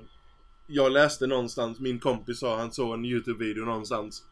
Och sen eh, blev det jättestort av det. Men... Eh, nej men det var ett sidospår. Ska vi gå vidare till eh, årets rollspel? Och där har jag bara en enda... Eh, ett spel för det. Och det är Persona 5. jag har Vad inte sa kört du? något Årets riktigt. rollspel då sa du? Vad sa du? Vad sa du? Vilken kategori? Årets rollspel. Där finns ett spel Ja. till som jag tror jag vet Christian tänker på. Och det är ju Nier Automata. Ja, där är jag grymt kluven. Eh, Jag har ju tappat en sparfil i Persona så jag har ju inte klarat det. Ja det är ju rätt bra. tungt alltså. Har jag ju klarat alla endings. Ja, det är ju... Här är det ju tvärtom. Här var jag jätteklar med Persona men eh, inte jätteklar med Nier. Men eh, jag ser potentialen i Nier, hur bra det är. Men jag, kan, jag går ju bara nu efter det jag spelar. Men eh, sa- samtidigt vet jag inte om jag ska klassa ner som ett rollspel. Det är ju mer RPG-element. Så här, alltså Ja. lite som typ Horizon i ett RPG också va? Mm. Så vi lä- lägger ner i så fall bland äh, äventyrsspelen. Ja, möjligtvis. Äventyr Det är ett action. grymt spel. Det är ett grymt bra spel alltså. Det... Ja, ja det är det. Eh, Men nej. Soundtracket är ju överlägset det bästa. ja, det... Musiken menar jag då. Alltså jag, jag tyckte Annars är att det ju- Persona också hade ljuddesignen så är ju... Ja. Ljuddesign på tal om Hellblade så är det ju fantastiskt då. Men just musiken är ju ner överlägset. bra- Jag, tyck, jag tyckte att Persona hade riktigt bra soundtrack men det är väldigt mycket samma låtar som spelas väldigt ofta. Även om de är jättebra. Mm. Eh, men det, det som verkligen, detta är mitt första Persona också. Eh, jag vet att många har sagt under jättemånga år att man ska spela Persona 5, eh, 4 Golden. Jag har velat haft någon vita så att eh, det har inte varit aktuellt. Eh, men nu när jag hoppade in i den här eh, high school eh, simulatorn slash eh, dungeon crawlern. Eh, jag var fast direkt. Riktigt högt. Det var just den här blandningen att du ska först då bolla med ditt liv i skolan som är student och sen ska, har du alla aktiviteterna efter skolan och sen samtidigt ska du då ta hand om alla de här eh, eh, människorna som, eller vuxna eh, som på något sätt eh, gör fel. Och ska du ändra deras eh, inställning, eller vad ska man säga? Och det första slottet då med, handlar om en eh, eh, gympalärare då på skolan. Som är lite väl eh, överförfriskad mot eh, kvinnliga elever och lite väl hård och ser eh, sina elever som eh, slavar. Och sen går du därifrån. Och fruktansvärt bra eh, vad ska man säga, monsterdesign. Och eh, väldigt varierande. Lite så här Pokémon också att du samlar på dig de här eh, eh, olika monstren som du har med dig. Och jag vet Christian, du spelade en hel del av det innan. Eh, eh, Jag var väl eh, 40, ja, nästan 50 timmar in kanske. ja, då är det ju runt halvvägs. Lite mer kanske. Mm. Innan jag tappade min sparfil. Så att, men jag gillar det med. Men eh, ja, jo, nej men det är årets rollspel. Det är det ju. Jag vet inte hur jag kör, körde det men eh, jag körde halva Persona 4 på en emulator för ett tag sedan.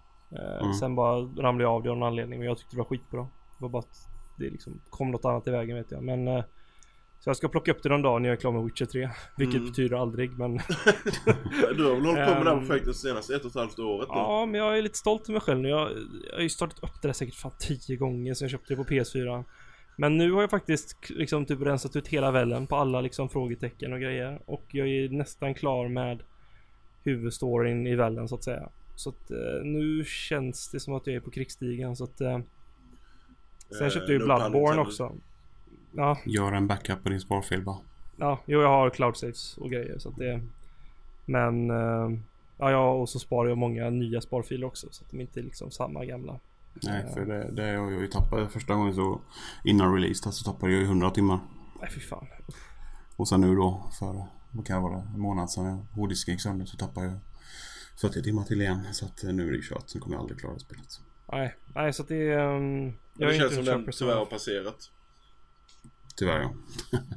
Persona 5 är ju ett spel jag verkligen vill spela. Men det, det är ju liksom... Det är ett mastigt spel så att jag vill bli klar med Witcher 3 och Bloodborne har jag ju liggandes. Vi får se om det fäster sig men... eh, ja, jag köpte det för att det var så billigt. Jag vill säga, jag måste ge det en chans. Mm. Nej, men är det några andra kategorier vi har innan vi summerar alltihopa? Årets besvikelse tycker jag. Jag ska, ta, ska vi ta Mm. den först? Ja. Sluta liksom happy ending så att säga. Uh, oh, snap. Uh, jag har inte, jag, jag har suttit och tänkt väldigt länge på vad som var jättebesvikelse för mig i år. Och, uh, ta ni er, jag ska, måste bara snabbt kolla om det spelet verkligen släppts i år eller förra året. ja mitt är ju samma som Ronstrans misstänker. Det är ju Mario. Ja. Nej, du kan börja med klagomuren. Alltså det är ju som sagt ett, ett, ett pusselspel som, som egentligen bara är samma sak om och om igen hela tiden. Alltså jag får ingen tillfredsställelse i något jag gör i spelet. För Nej, att inte eh, jag heller. det är ing- ingen utmaning i någonting. Förutom, ja men du vet alla bara ah, men det är ju skitsvårt att vara med sista 50 månaderna. Jag bara men alltså jag kommer inte komma dit för det är så jävla tråkigt att spela. för att, ja men, och du vet när man vet att när folk har argument om att ja men postgame liksom i ett Mario-spel är bra som ett argument. Då blir man bara nej. Nej. Nej, det Det, alltså, det så finns liksom ingen, det är inget fokus på plattformandet. Det som gjorde Super Mario Galaxy liksom fantastiskt, det är ju borta. Alltså det har ju ingen så här grym känsla att du hoppar, men du vet, en känsla av Alltså nu, är inte Galaxy svårt, men du, får en tillfredsställelse av att bara hoppa runt och du vet, slå på saker och du vet Ta dig igenom världen. Här är det istället Ja, ah, jag ser en måne, du hoppar, jag gör dubbelhopp och så tar du den. Ja, eh, ah, Mm. det glänser i sanden, jag gör ett rumphopp. Ja, ah, det kommer en måne, jag tar den. Och man Blir, är det inte lite som att man har bytt ut uh, alla mynten mot månar istället? Typ- Ja men typ. Det är alltså snudd på. Det är ju som en mellankategori liksom. Och sen har du ju mynt som nu ger dig ett, visst är det 100 stycken i det till liv? Mm. Om man Ja, följer sen- samma formler som innan så.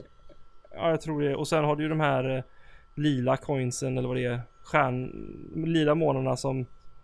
Eller, vilka är det? Nej lila coins är det. Och de gör att du kan köpa typ kostymer och grejer. Så det, bara den här grejen att du kan köpa kostymer, du samlar på en jäkla massa objekt. Det får mig bara känna så att, men... Jag vill spela ett plattformsspel. Är Så här, jag vill inte spela ett collectathon liksom. Det är, för det är exakt vad det är. Det är ett collectathon mm, som fokuserar på pussel mer än plattformandet. Så att därav är det liksom en jättebesvikelse. Jag ser så många som hyllar detta. Och jag blir så här. Alltså. Jag, alltså det känns som att Nintendo-fans ibland bara du vet. Det blir, de ser bara 10 av 10 rakt igenom och de blir liksom inte kritiska. Jag älskar Super Mario 3D-spelen. Och jag var lite orolig inför detta. Jag spelade det på, eh, vad heter det, på GameX och tyckte att det kändes jävligt lovande. Men efter så här fem timmar så började jag bara känna att shit, det här är inte vad jag vill ha. Och sen tio timmar in så spelade inte jag det på typ två veckor. Sen Nej. tog jag upp det och spelade klart det och sen bara, "Ja, nej, jag vill fan inte röra den här skiten igen. Jag vill inte samla 999 stjärnor, en månad liksom. Det var inte skoj en sekund nästan. Det var kanske skoj typ första två, tre gångerna man hajade grejen med att typ, liksom eh, bli ett objekt eller en annan liksom vara Så så det lät som ett kul liksom. koncept ändå att kunna ta över uh, uh, vissa Mm. grejer. Och det funkar ibland och det känns jättetillfredsställande men det är ju bara typ 10 sekunder. Plattformen, är inte, alltså världarna är ju skittråkiga. Alltså de är ju rent av usla ibland tycker jag. Mm. Så jag... Och sen är det något av det tekniska som kän- känns lite som ett studentprojekt. Jag vet inte, det känns inte så, det ser inte så snyggt ut. Det är ju lite blandat kan jag tycka. Vissa världar ser jättebra ut och en del ser inte färdiga ut alls. Ja men hans ansiktsanimation och sånt där jättedetalj. Alltså det där har de liksom lagt stort fokus men sen kan det vara vissa texturer typ och saker som bara känns lite billiga och off typ. Ehm, Mm. och det känns jobbigt liksom att veta att vi kommer inte få ett nytt 3D Mario-spel inom typ tre år kanske minst. Säkert fem. Och det senaste som jag var nöjd med kom liksom 2009. Kommer vara ti- gått 10 år där jag inte varit nöjd med 3D Mario-spel och det är jävligt jobbigt för att Jag har inte varit jag älskar med, den sortens spel. jag har inte varit nöjd med något sen typ Sunshine. Jag gillade aldrig Nej. Galaxy-serien. Nej, det, jag älskar ju Galaxy. Jag tycker typ det är det bästa spelet någonsin mer eller mindre. Men, och där var det fokus på plattformandet enbart liksom. Och så tog du stjärnan på slutet så var du nöjd. Mm. Ehm, så att jag, nej det är min besvikelse. Folk verkar gilla det, det är skitskoj men det är ju bara inte alls vad jag hade förväntat mig och ville ha från ett Mario-spel. Så att eh, helt klart årets besvikelse för mig och onekligen för Christian med. Mm. Ja, så att jag kollade upp eh, spelet, det släpptes faktiskt förra året. Så... Vilket var det då? Eh, eh, senast eh, Star Ocean. Eh, Mm, okej. det gjorde allt eh, man inte skulle göra med den spelserien. Lyckades de faktiskt trycka in. Alla, alla fel man kunde göra. Mm. Vilket är rätt eh, starkt jobbat. Nej, jag glöm, jag glöm, vi glömde faktiskt ett eh, rollspel. Bara ta det lite snabbt, vi har pratat en hel del om det i podden. Eh, stick, eh, uppföljaren till Sticker Truth, Fracture Butthole. Ja, ja, ja. Mm. Och det det, måste vi sätta upp bland eh, rollspelen. Har ni inte... Det blir mitt RPG för i år då, per automatik. Ja, du har kört igenom det. Alltså gillar man Sticker Truth så Mm. kommer man gilla detta. Det är bara så. Och, Det är ju starkt två för mig. Så att Ja. Och, stortycken är glömma det. spelar, har man inte spelat Sticker Truth så får man det till när man köper eh, Fracture Battle också. Vilket är rätt trevligt faktiskt. Så... eh, Och spela det först då för annars det är nog lite svårt att gå tillbaka till det gamla stridssystemet. Mm. Det blir jävligt Mm. tråkigt. För att det de gjort bra här tycker jag att allt är roligare.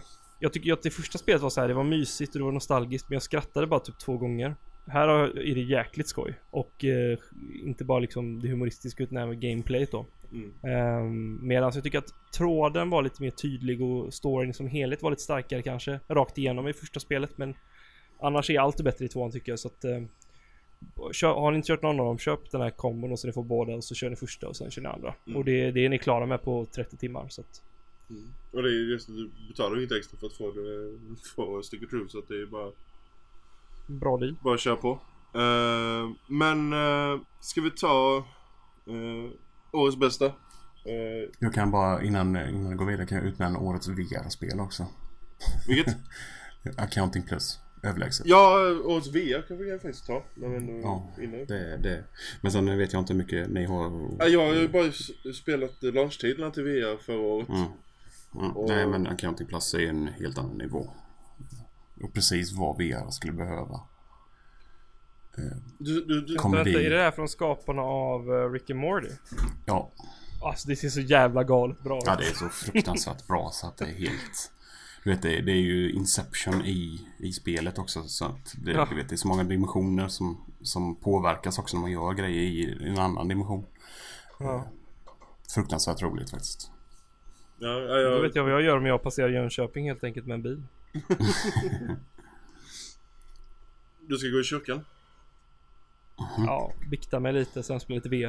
Uh, nej, jag, som sagt, de, de jag har spelat på VR då innan, tyvärr så var det innan Resident Evil kom. Men uh, Job Simulator som jag, Mm. som jag har förstått det så påminner detta lite om Job Simulator. Ja precis, det är ju Eller li- konceptet. lite så fast... Ja, det är det. Och, Du jobbar ju som en accountant alltså. Du är ju revisor egentligen då. Så. Som det ballar du lite för. Jag kollade på trailer bara ballar ut lite sa du. sen jobbar med siffror och sen bara. Nej men just det här, det så. som slog mig direkt var när man såg trailern på, eh, det var det på Game Awards. Eh, Ja, precis. och eh, så ser man den här grejen som kommer ut ur det här trädet och bara står och skäller ut den och svär och håller på till What the hell? Mm. Och det är bara början, som sagt. Ja, det, ja men det låter som VR faktiskt har fått ett uppsving nu i, under 2017. Dels då med eh, Resident, stödet i Resident Evil, sen fick du ju stöd i eh, Gran Turismo. Uh, fått stöd i en del andra spel och sen har vi fått en, just som du säger, de här Counting Plus och sen har det kommit, eh, som jag förstått det så ska Farpoint också vara riktigt, riktigt bra. Och, Mm. ehm, Jag har det, jag har inte kommit så långt än. Och eh, sen är det ju en del intressanta spel på, som är på väg med Bravo Team men speciellt det här Firewall som är typ Rainbow Six fast i VR. En fråga counting, kan man spela det sittandes? Funkar det bra? Ja. Bra. Nej, för jag är lite så här. Det har börjat komma in en hel del bra titlar och är på väg. Eh, nu, alltså VR-titlar. Som är gedigna titlar och typ där. Eh, och vad hette det spelet från som jag spelade i Sjöland? VR-spelet eh, In... Ja, från, eh, det som... Until Dawn-skaparna. In, Inverse? Nej? Nej? Nej, det heter Impatient. Rush of Blood. In, Impatient. Ja, det är? Impatient. Ja, Ja, den är- och, och eh, jag får inte säga något om spelet så, men efter det så kände jag bara att det här är ett VR-spel. Det här vill jag spela i VR. För att det är liksom skapt för VR och det är ju såna här upplevelser som, som, ja men där Counting Plus då. Ehm, de, den sortens spel kan jag liksom tänka mig att köpa ett VR-headset för när det finns liksom en, en drös spel och nu börjar vi faktiskt få en hel del titlar på Playstation Plus. Mm. Och det är ju rätt Mm. schysst så här om du bara plockar upp ett headset kanske för säg 2-5 om ett, ett och ett halvt år om det faller lite. Alltså du, du är ju uppe i nästan över 100 titlar redan nu. eh, Ja, VR, alltså så att- att, Ja, och så har du fått, får du en massa gratis som är värda att testa liksom. Så att du kanske bara behöver pröja kanske en tusenlapp för typ 3-4 spel. Så är det ju jäkla bra bang for your buck. Och då kan jag faktiskt tänka mig att plocka upp. Även om jag liksom kände att okej, det är inte supersnyggt men det passerar gränsen och det lurar mig ändå liksom där liksom uppfattningen om rymd och liknande. Och sitter man ner så tycker jag faktiskt inte att kablarna var ett problem. Eh, det funkar bra.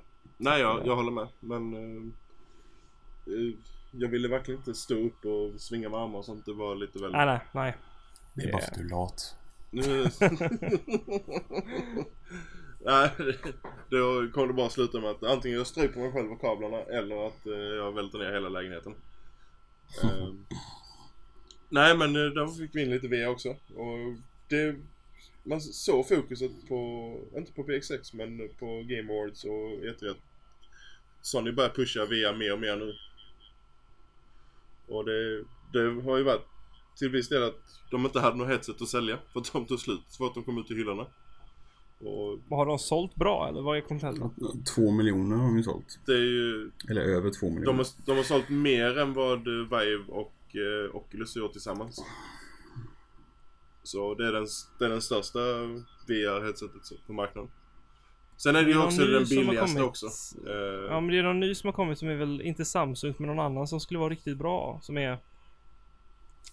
Jag vet inte, någon snackar om det, någon jag följer som håller på med tv-spel mycket. Eh, och det ska tydligen vara riktigt bra alltså. Ingen aning Ja, jag, kommer, inte- jag kommer inte på vad det heter men det är inte Samsung och det är, det är någon annan part. OTC. Ja, det är ju Det är det bästa. Ja, Mm, nej, Viven alltså, är ju det bästa. Ja det är något nytt alltså som kom typ senaste halvåret eller någonting som heter PC nu. Som tydligen ska vara det liksom helt klart bästa headsetet. Det är ingen koll. Men Ja, det är- ska vi ta årets spel? Eh, förs- Ja. Försöka på något sätt uh, Jag kan göra det kortfattat om du vill. Eh, ja, jag gör med Thomas Was Alone eller? Nej. Nej. Nej det, var, det kom inte i år. Patapon? Nej, det var lagg i remastern så det går inte. Parappa the Rappa? Nej. Crash Bandicoot? Kom faktiskt det också svårt. år, den jävla remastern. Det var jag helt glömt bort. Eh, nej men vilket? Horizon Zero Dawn. Okej. Ja, Det är ett komplett spel. Det är... men jag, jag hade spelat... Jag spelade Zelda innan. Och de kom ju samtidigt. Och jag läste bara överallt att bara Åh fan vad tur att jag spelade Zelda innan för jag kan ju inte spela Horizon efteråt. Det är ju sånt där gammalt spel. Nu har jag blivit upplyst typ. Och då var jag så här, men herregud. Alltså jag tycker Zelda är skitbra och, och ja, men, ja, men det, var, det var så jäkla liksom smug så jag visste inte till vägen. Jag, jag var mest så här fascinerad, bara okej. För nu måste jag sitta och spela typ det bästa som mänskligheten om jag ska tro de här kommentarerna. Och Zelda var ju jävligt bra på många sätt men sen var ju templen katastrofalt dåliga och det var lite tråkigt på slutet och storyn fanns inte. Men vissa saker gjorde det skitbra. Eh, och Horizon tycker jag bara gör allting väldigt bra och sen vissa saker idiotbra. Och därav vinner det som ett årets spel för mig för att det är liksom det jag känner så att om, om du ska köpa ett spel i år, då köper du Horizon för det är mycket wow-faktor, det har en bra story, det har grymt bra gameplay. Det är lite såhär spelvärldens avatar känns som. Det är bara så jävla coolt. Och det är såhär ett spel jag alltid kommer prata om när jag snackar om så här stora produktioner som du måste uppleva nästan. Mm. Det, är, det är liksom PS4ans det är PS4ans liksom Halo nu känns det som. Alltså det känns som det är deras liksom Om, jag- om jag säger att du köper PS4, du köper Horizon, punkt. Köper inte Uncharted för att det, det gör liksom vad de har gjort de senaste tio åren bara på ett lite annorlunda sätt. Eh, och Bloodborne är för svårt för de flesta och inte och väldigt nischat. Så att Horizon är liksom deras poster girl nu känner jag. Mm. Och eh, ja, det, det, jag, när jag tänker tillbaks på det så hade jag liksom roligt konstant nästan. Eh, I Zelda kunde jag liksom springa en lång distans och så hände inte ett skvatt. Och sen gjorde jag saker som jag blev imponerad av men det var ett väldigt lågt tempo och det var bara nästan utforskning. Här är det liksom som en Det kan vara liksom att du rider i en fin setting i en minut och, och sen så uh, ser du liksom ett, ett flygande monster liksom. Och uh, så blir det som en Michael Bay-film i typ en minut men du väljer hur allt spelar ut beroende på hur du strider liksom. Och hela den grejen att du hela tiden får liksom en bekräftelse på, bekräftelse på att ah, det är action, det händer saker, jag är interaktiv, allt ser skitcoolt ut. Och Det finns en sen just det handling, där det finns man, en värld. Så fort man stöter på ett nytt monster så var man tvungen att lära sig just det monstret hur det fungerade. Så Mm. det var, Nej, blev men det var väldigt hela skoj. tiden. Och Man får ju liksom tänka till, det är inte bara att, i början tyckte jag bara att ah, men det var bara att skjuta, vad är det här med weak points? Och sen började jag inse det bara oj, aha men det är så. Och vet, man blir ju illa tvungen till speciellt det när det längre kom fram. för till längre, alltså i senare de stora grejerna. Ah, ja. vi, har, vi har ju den här klassikern här, eh, Tyrannosaurus eh, Rex-liknande grejen som var med i första trailern. Mhm. Den, eh, jag lyckades ju springa på en sån när jag var 10 levlar under den. Eh, och jag höll på att skjuta ner mig. Och jag tänkte, jag satt i party med dig och Roger också. Och jag tänkte, vi, vi, vi, försöker, vi försöker ta ner den bara för att se vad som händer. Och det tog 50 minuter. Strid. Och, och få ner den. Eh, det var kul men det, alltså det, var, det blev väldigt, många strider blev väldigt intensiva som du säger. Alltså lite Michael Bay-aktigt när man var de här stora. Ja, det, alltså det var en väldigt tillfredsställelse att, att liksom ha en tuff strid. Mm. Ehm, och det är många, alltså inte bara som liksom sker spontant i spelet, men utan även som är liksom story-moment som är väldigt bra. Mm. Så att, eh, nej, alltså det vinner Game of the Year för att det är eh, Det är en ny IP Det gör otroligt många saker bra Och sen vissa liksom bäst någonsin. Mm. det är, Jag tycker det är det snyggaste open world-spelet någonsin. Det är den bästa art designen i ett open world-spel någonsin Och det är den bästa gameplayet i ett open world-spelet någonsin. Jag trodde inte det var något spel som skulle kunna toppa Witcher 3 men eh, Horizon toppade på alla punkter. Eh, Det är ett roligare spel än Witcher 3 Witcher 3 är mer så här metodiskt och så här eh, Mer lore-fokuserat på sätt och vis Men Alltså båda de är ju så här legender tycker jag inom genren Alltså även om striderna på något sätt påminner väldigt mycket om varandra med eh, Alltså just du, du lär dig vilka signs och sånt ska användas och Känns som det har varit större djup i Horizon och jag, Oh ja jag vet, även om det är alltså både Persona, Stick of Truth Eller Persona, Factory Battle och Origin så måste jag säga eh, Horizon som i år. Det, Christian Ja, jag säger Horizon Zero Dawn. Jag har en kommentar från en Facebookgrupp som, som summerar det ganska bra. Det är ju att, eh, att äh, läsa vad han har skrivit. Efter alla hyllningar både här och på andra sidan har jag äntligen börjat spela eh, Horizon. Kan bara instämma att det är grymt. Jag tvekade länge till att köpa. Så dum man kan vara. Då frågar jag. Varför tvekade du? Nu säger han killen här då att jag var rädd att det skulle bli enformigt. Vilket de flesta open world-spel är. Eh, Så skrev han även att jag tröttnar alltid på singleplay-spel. Jag har inte klarat ett enda singleplay-spel på fyra år. Men nu spelar jag Horizon och det här kommer jag klara. Det är lite, summera lite Mm. vad jag tycker om spelet också. Det är liksom, Alltså det blev ju lätt i. World-spel att eh, det blev väldigt mycket nötande samma sak om och om igen. Och Mm. eh, väldigt mycket side missions och sånt som är väldigt lika och fetch quests och du springer runt i en värld och så stöter du på samma grejer hela tiden. Men på något sätt så hölls, hölls man fast i, eh, i den här världen. För att... eh, Få spinna, få spinna vidare lite på det han sa. Det här med att eh, liksom spela klart ett spel. Det här är faktiskt det första open world-spelet som jag någonsin till Platinum i. Och eh, Mm. jag kände hela tiden som att vad fan ska det ta slut? Annars är jag oftast väldigt så här. Ah, fan vad gött att bli klar med det här spelet, nu lägger jag åt sidan, nu kan jag känna mig duktig liksom. Du vet, få en dopaminkick och känna att man klarar av någonting. Här var det så jäkla bra så att jag var så här, äh, men jag kör Platinum, varför inte? Jag vill ju se allt. Fuck that, alltså det, är- det är för bra. Det är lite så typ som jag gissar på att jag kanske kommer känna med Red Dead typ liksom. Men det är extremt sällan jag gör det. Och när jag liksom, när det, är, när det är så bra att jag bara vill fortsätta spela det liksom. Eh, för när det var slut var jag lite såhär bara fan. Det var ju inget roligt. Och det är sällan jag Nej, men känner det- så. När jag är klar med ett spel. Oftast är det såhär, ah men fan det var rätt skönt nu alltså. För att ibland kan jag tycka att spel är för utdragna för sitt eget bästa. Mm. Men eh, det han säger liksom, och det jag kände just att jag spelade så länge och så mycket av det. Det var säkert 70 timmar i slutändan. Eh, säger rätt mycket om titeln så att... Eh, ja, och jag vill köra om det i New Game Plus, helt klart. När jag är en OLED då. Som vissa andra lyckligt lottade. Man, man kan ju säga så här att jag och Marcus var ju trea och fyra i världen på topplaten och det säger väl en del om kvaliteten på spelet också. Ja, det var... Det är ju inte ofta man sätter sig och nöter så som, så som jag gjorde i alla fall. Nej, det var, det var... Man kunde inte släppa det. Eh, när det kom. Det, Eh, men lite, Dock så vi tillägga att vi var, att vi har turen att få spela spel innan ibland så att. Visst, vi fick ju koden tidigt också. Eh, det, det är en sak. Men alltså, det var det man, man, man satt och nötte hela tiden. Man ville inte släppa och göra något annat. Utan man ville inte gå och lägga sig. Eh, Nej. det var... Nej, det var definitivt en, inget problem att spela om det sen. Men jag vill vänta och spela om det tills jag har en vettig TV att spela om det på istället. Mm, Eh, precis. men det känns, känns inte som ett spel som eh, man kommer dra, dra sig för att spela om. Men innan du spelar om det sen Blusan så måste du spela expansionen, Frozen Wilds. Ja, jag tänkte plocka upp det här i januari.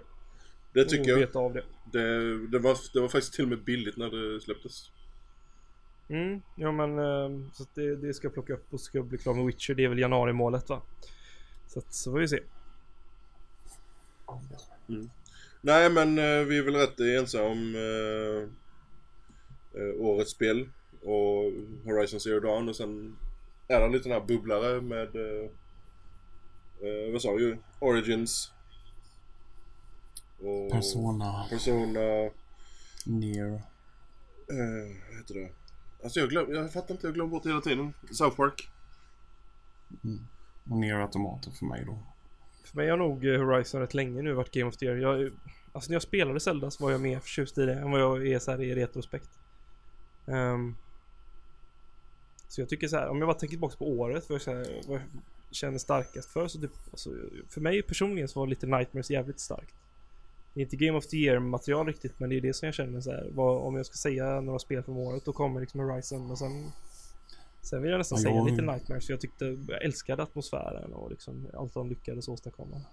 Den lilla, lilla stunden jag har tillbringat med PubG så är det bland, bland det roligare jag har haft. Men det är ju definitivt inget eh, Game of the Year-spel. Det är långt, långt, långt, långt ifrån. Nej, jag förstår. Men just, just känslan eh, och... och Men det är väl det här konceptet i det är spelet. Alltså den här... eh, Vi, nu spelar vi i och för sig vi Fortnite och det, som jag har förstått det så är det inte samma känsla Nej, mellan Fortnite nej. och det.